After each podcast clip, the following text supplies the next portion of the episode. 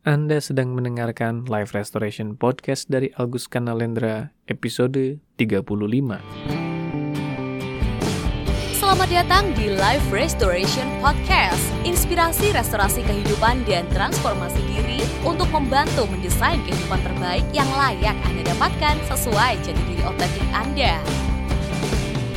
Life Restoration Podcast menghadirkan berbagai inspirasi restorasi kehidupan dan transformasi yang juga diadaptasi dari kisah nyata para individu yang menjalani program terapi, konseling, dan life restoration coaching bersama Coach Alguska Nalendra.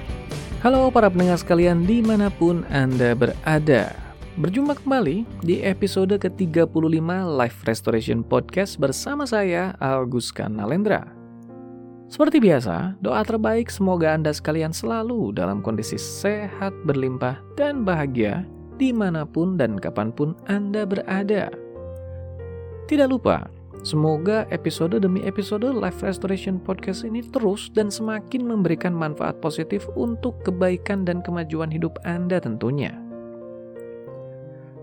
Memasuki bulan September 2021, 9 bulan berlalu sudah di tahun 2021 ini. Agaknya tidak ada salahnya kalau kita sedikit merefleksikan tema bahasan kita di bulan Januari 2021 lalu yang berhubungan dengan pencapaian dan pertumbuhan.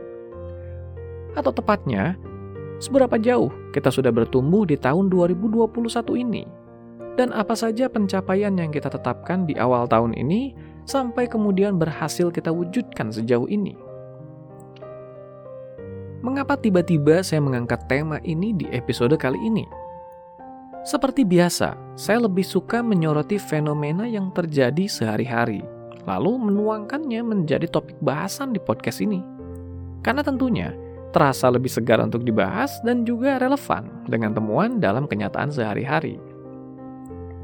Nah, tema yang saat ini sedang cukup sering ditemukan utamanya di para klien saya yang menjalani coaching dan terapi adalah fenomena refleksi diri dan refleksi kinerja. Di mana para klien saya mulai memasuki periode reflektifnya. Periode di mana mereka mulai mencermati hasil yang muncul dari proses yang mereka kerjakan di tahun ini sebagai bentuk pelaksanaan target pencapaian yang mereka buat di awal tahun. Bagaimana dengan Anda? Seberapa jauh Anda sudah merenungkan segala bentuk pelaksanaan perencanaan yang Anda buat di tahun ini dan menemukan pola yang membentuk pelaksanaan itu sampai kemudian mempengaruhi hasil? Tapi tunggu dulu. Jangan jauh-jauh merenungkan pelaksanaan perencanaan.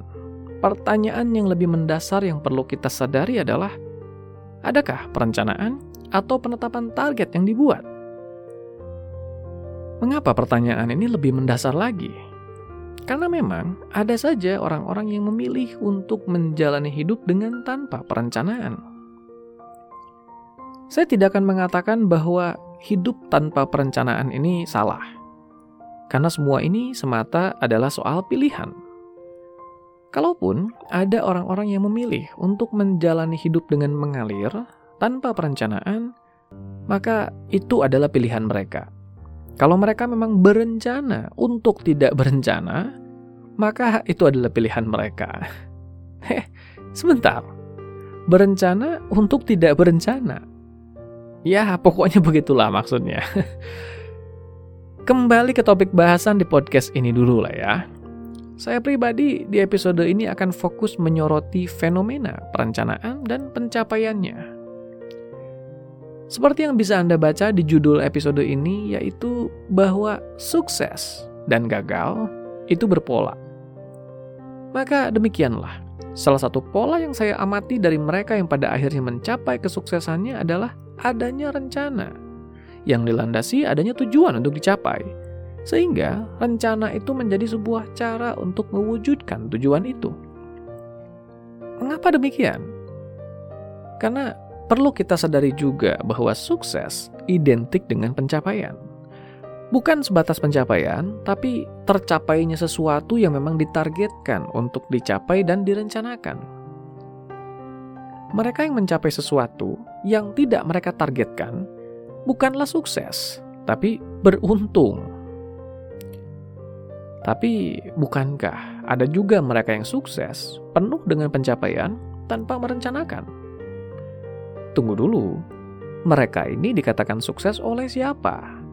Bukankah yang sering kali melebeli mereka sukses adalah justru orang lain yang sebenarnya menginginkan jenis pencapaian itu dan bukan mereka sendiri? Karena mereka sendiri jangankan mengklaim dirinya sukses, merencanakan untuk itu saja tidak. Iya, memang fenomena itu ada, yaitu mereka yang tidak merencanakan untuk mencapai, tapi justru malah mencapai banyak hal. Tapi saya tidak akan fokus ke sana dulu ya, karena meski penjelasannya ada dan bisa dijelaskan dengan cukup mendetail, hal itu menjadi sesuatu yang sulit diduplikasi. Untuk bahasan kali ini, saya fokus dulu ke yang menjadi topik bahasan yang cukup umum dan isinya bisa dipahami untuk kemudian diduplikasi ya. Yaitu pola yang membentuk sebuah kesuksesan dan kegagalan. Karena ada pola di dalamnya, maka harapannya adalah ketika pola itu duplikasi, pola yang membentuk kesuksesan tepatnya, maka kita bisa mendapatkan hasil yang kurang lebih sama Profesi saya adalah seorang coach dan hipnoterapis. Keberadaan dari pola menjadi penting karena yang saya lakukan adalah menginterupsi pola-pola tidak efektif yang dialami para klien saya yang menjadikan mereka tidak kunjung mencapai yang diharapkannya. Lalu mendesain pola baru yang lebih sejalan dengan tujuan pencapaian yang diharapkannya. Seperti pernah saya ulas di bahasan-bahasan podcast episode sebelumnya, manusia adalah makhluk yang beroperasi berdasarkan kebiasaan. Kita melakukan berbagai hal berdasarkan pola kebiasaan yang sudah terbentuk dalam diri kita. Membicarakan sebuah pencapaian, tentunya tidak ada pencapaian yang terjadi begitu saja tanpa ada proses melandasinya. Karena kalau sampai itu terjadi, maka sekali lagi itulah yang disebut keberuntungan. Di balik proses yang melandasi sebuah pencapaian inilah tersimpan rangkaian kebiasaan. Ilustrasi sederhananya begini saja. Bayangkan sebuah pohon yang berdiri tegak dengan daun yang rimbun dan buah yang bermekaran di setiap rantingnya. Apakah pohon itu tercipta dan berbuah dalam semalam? Tentu tidak, kan? Pasti ada proses yang melandasinya di mana proses itu terjadi secara berulang dan rutin. Nah, proses berulang dan rutin, bukankah itu sama saja dengan kebiasaan? Maka itulah, di balik sebuah pencapaian, pastilah ada kebiasaan yang tepat yang melandasinya. Saya sering kali menjelaskan secara sederhana bahwa perbedaan dari kesuksesan dan keberuntungan terletak pada pengulangan yang membentuk fondasinya. Ciri utama dari kesuksesan adalah ia terbentuk dari fondasi kebiasaan yang kokoh, terutama dalam menahan derasnya tantangan dan dalam mengulang pola yang sama. Ketika seseorang berhasil mewujudkan sebuah pencapaian besar, pasti akan ada tantangan menerpa. Kalau diibaratkan dalam perumpamaan, Semakin tinggi sebuah pendakian menuju puncak, semakin kencang angin bertiup. Nah, di titik setelah mencapai inilah fondasi seseorang diuji. Kalau memang kesuksesannya terjadi karena fondasi yang memadai, maka seharusnya ia bisa bertahan menghadapi terpaan tantangan yang mengujinya di puncak pencapaiannya itu.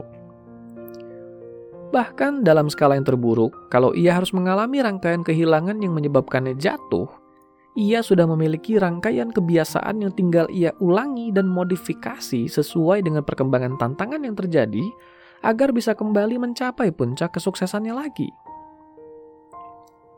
Mari mengambil contoh nyatanya. Ketika seseorang ingin sukses dalam berbisnis, maka sudah jelas harus ada kebiasaan prima yang menunjang kinerjanya dalam menjalankan bisnisnya. Sebut saja kebiasaan bangun pagi, kebiasaan membuat perencanaan yang jelas, kebiasaan berkomunikasi yang bagus, dan banyak lagi lainnya.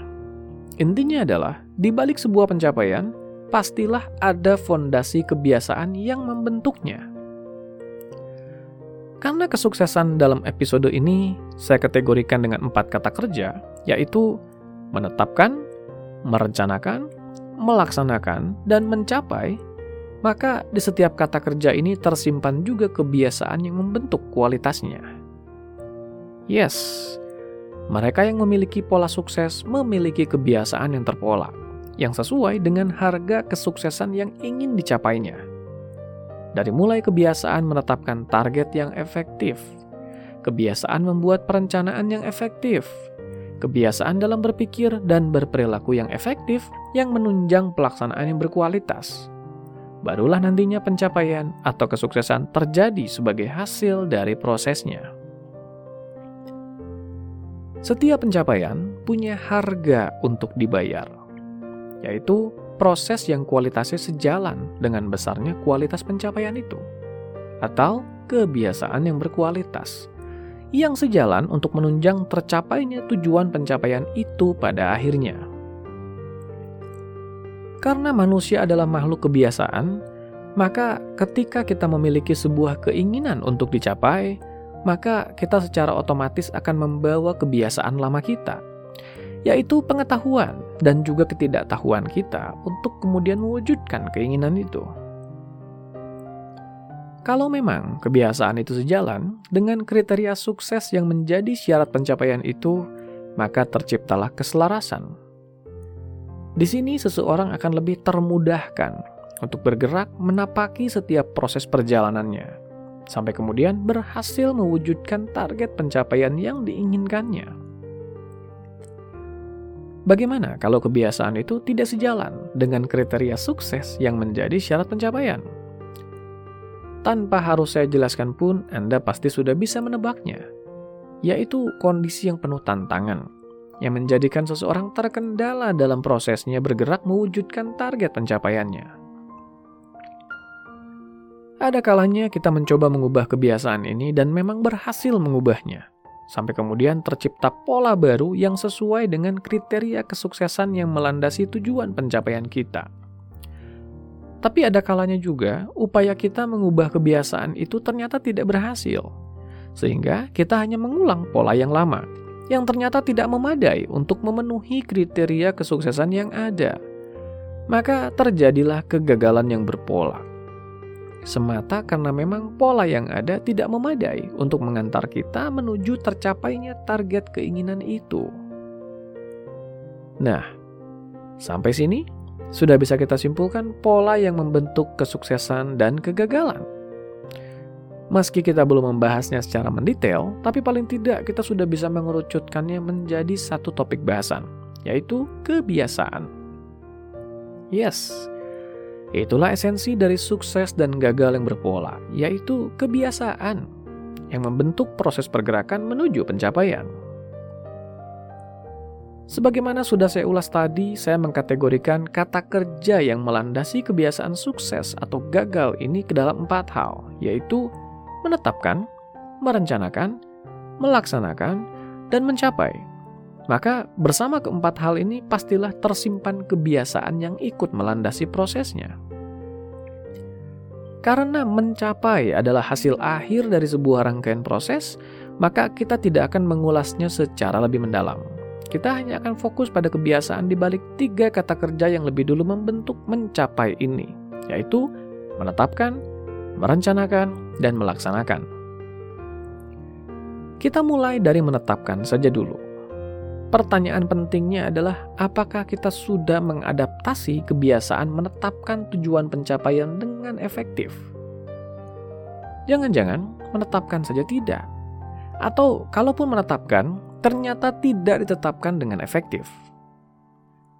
Nah, bahasan mengenai cara menetapkan tujuan ini sudah pernah saya bahas di episode kedua podcast ini yang saya unggah dulu sekali di awal tahun 2021 ini, tepatnya di bulan Januari. Di episode yang berjudul Mewujudkan Target dengan Strategi yang Sejalan dengan Hukum Semesta. Untuk mengetahui lebih jelasnya, silakan Anda dengarkan juga episode itu ya agar di episode kali ini saya tidak perlu mengulanginya dan tinggal fokus pada esensi dari proses berikutnya.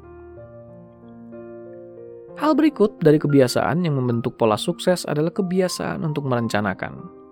Maka yang satu ini tidak kalah pentingnya untuk kita sadari. Bisa saja sebuah target ditetapkan dengan begitu efektifnya, memenuhi semua kriteria sukses yang melandasi proses menetapkan target ini. Tapi ternyata, perencanaan yang dibuat justru tidak efektif, atau bahkan tidak ada perencanaan spesifik yang melandasi prosesnya. Kalau sampai seperti ini, ya sama saja percuma. Seperti berkali-kali selalu saya ulas di berbagai episode di podcast ini, manusia adalah makhluk energi. Kita adalah makhluk energi yang hidup dengan menghirup energi alam semesta, dan kita lalu menggunakan energi itu untuk beraktivitas. Satu insting dasar yang kita miliki adalah insting untuk bertahan hidup, di mana kemampuan kita untuk bertahan hidup ini akan banyak dipengaruhi oleh pasokan energi yang kita miliki dalam diri kita. Di sinilah perencanaan menjadi satu aspek yang membuat kita mengalokasikan energi secara lebih terpola untuk mewujudkan sebuah target pencapaian. Tanpa adanya perencanaan yang memadai, maka insting dasar bertahan hidup ini akan terusik. Insting dasar kita akan dibayangi ketakutan bahwa nantinya pengelolaan energi ini akan bersifat hambur dan merusak distribusi energi yang kita miliki. Maka di sini muncul sabotase dari insting dasar ini yang muncul dalam bentuk ketidakstabilan energi dalam berpikir, berperilaku, atau bergerak mewujudkan target pencapaian ini.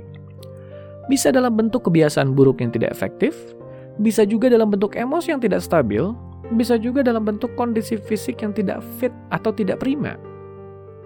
Intinya, Perencanaan yang memadai adalah cara kita menginformasikan atau berdamai dengan insting dasar bertahan hidup yang kita miliki, agar insting dasar ini mendukung dan menyiapkan stok energi yang memadai untuk mendukung perencanaan ini nantinya. Aspek perencanaan ini juga sudah sempat saya ulas di episode kedua itu tadi ya. Silakan Anda juga mendengarkan episode itu untuk mendapatkan lebih banyak informasinya. Kalau Anda merasa perlu mengetahui lebih jauh, boleh juga informasikan pada saya dengan memberikan komentar di YouTube channel saya. Jadi, saya juga bisa menyiapkan satu episode khusus yang membahas proses ini secara lebih terperinci. Berikutnya, aspek yang tidak kalah pentingnya yaitu pelaksanaan. Nah, pelaksanaan ini adalah buah dari perencanaan. Artinya, tanpa perencanaan yang tepat, maka pelaksanaan ini akan menjadi sebuah aktivitas yang tidak efisien. Seperti tadi sudah saya jelaskan di awal, ketika insting dasar bertahan hidup ini tidak mengatur distribusi energi yang memadai, atau bahkan menyabotase proses menuju perwujudan target pencapaian ini. Pelaksanaan ini juga merupakan perwujudan dari kebiasaan lain yang lebih besar dan meluas yang tersimpan di pikiran bawah sadar, Sebagaimana sudah saya bahas di episode pertama dan kedua di bulan Januari 2021 lalu, pikiran bawah sadar adalah bagian dari sistem kesadaran kita yang menyimpan kebiasaan dan mengoperasikan perilaku kita secara sadar berdasarkan program kebiasaan yang ada di dalamnya. Termasuk juga yang mengoperasikan insting dasar bertahan hidup yang tadi kita bicarakan. Jika penetapan dan perencanaan cukup banyak didominasi oleh pikiran sadar, pelaksanaan menjadi satu aspek yang akan banyak sekali dipengaruhi oleh pikiran bawah sadar. Karena ada banyak program pikiran bawah sadar yang terlibat di dalam perencanaan ini. Baik yang berhubungan langsung dengan target perencanaan yang kita harapkan, ataupun tidak berhubungan langsung. Bisa saja kita menetapkan dan merencanakan sebuah target pencapaian dengan begitu efektif karena sudah memahami cara-caranya tapi bisa juga pikiran bawah sadar ternyata tidak setuju dengan yang kita tetapkan dan rencanakan itu. Maka di sinilah akan muncul sabotase yang bersumber dari pikiran bawah sadar. Selain sabotase yang bersumber dari distribusi energi yang tidak memadai tadi, yang kemudian menjadi sabotase emosi, perilaku, atau kondisi fisik, sabotase ini bisa terjadi dalam bentuk sabotase peristiwa, yaitu peristiwa yang tidak berpihak seolah ada saja kejadian aneh yang berpola yang menjadi sabotase tersendiri. Kalau cuma terjadi sekali dua kali mungkin wajar, tapi ini terjadinya berulang. Misalnya, setiap kali bisnis hampir berhasil, tiba-tiba ada saja kejadian tidak menyenangkan yang membuat bisnis ini tidak jadi berhasil. Sekali lagi, kalau terjadinya hanya satu dua kali, maka sangat wajar. Kita biasa menyebutnya belum rezeki. Tapi kalau terjadinya berulang-ulang, dan selalu di titik yang sama, maka bisa jadi di titik ini pikiran bawah sadarlah yang tidak setuju dengan penetapan dan perencanaan yang kita buat. Salah satu pola sukses yang saya dapati menonjol dalam diri para pribadi sukses adalah adanya keselarasan antara penetapan dan perencanaan yang ada di pikiran sadar dengan pelaksanaan yang ada di pikiran bawah sadar. Maka, pastikan program dan pola yang ada di pikiran bawah sadar sejalan dengan penetapan dan perencanaan yang ada di pikiran sadar ya. Dan yang terakhir, yaitu mencapai Meski yang satu ini sebenarnya termasuk ke dalam hasil akhir dan bukan termasuk ke dalam proses, ada pola yang melandasi hal ini, yaitu pola atau kebiasaan bersyukur. Para pribadi sukses dengan pola yang sukses ternyata memiliki kebiasaan yang sama, yaitu mereka selalu mensyukuri dan menghargai pencapaian yang mereka berhasil wujudkan. Rasa syukur inilah yang kemudian memberi energi ekstra untuk mereka menetapkan, merencanakan, dan melaksanakan proses pencapaian lainnya, sampai kemudian semua ini berkembang menjadi pola yang lebih solid. Jadi demikianlah, sukses dan gagal itu berpola. Temukan polanya dan adaptasi pola itu sampai menjadi kebiasaan, maka terbentuklah pola kesuksesan. Sampai jumpa di episode berikutnya. Dapatkan lebih banyak inspirasi restorasi kehidupan dan transformasi diri dengan ikuti Instagram @alkuska dan YouTube channel Alkuska Nalendra. Kunjungi juga website www.alkuska.com untuk temukan lebih banyak informasi menarik lainnya, termasuk untuk memesan layanan profesional bersama Coach Alkuska Nalendra untuk membantu mendesain kehidupan terbaik yang layak Anda dapatkan sesuai jati diri otentik Anda.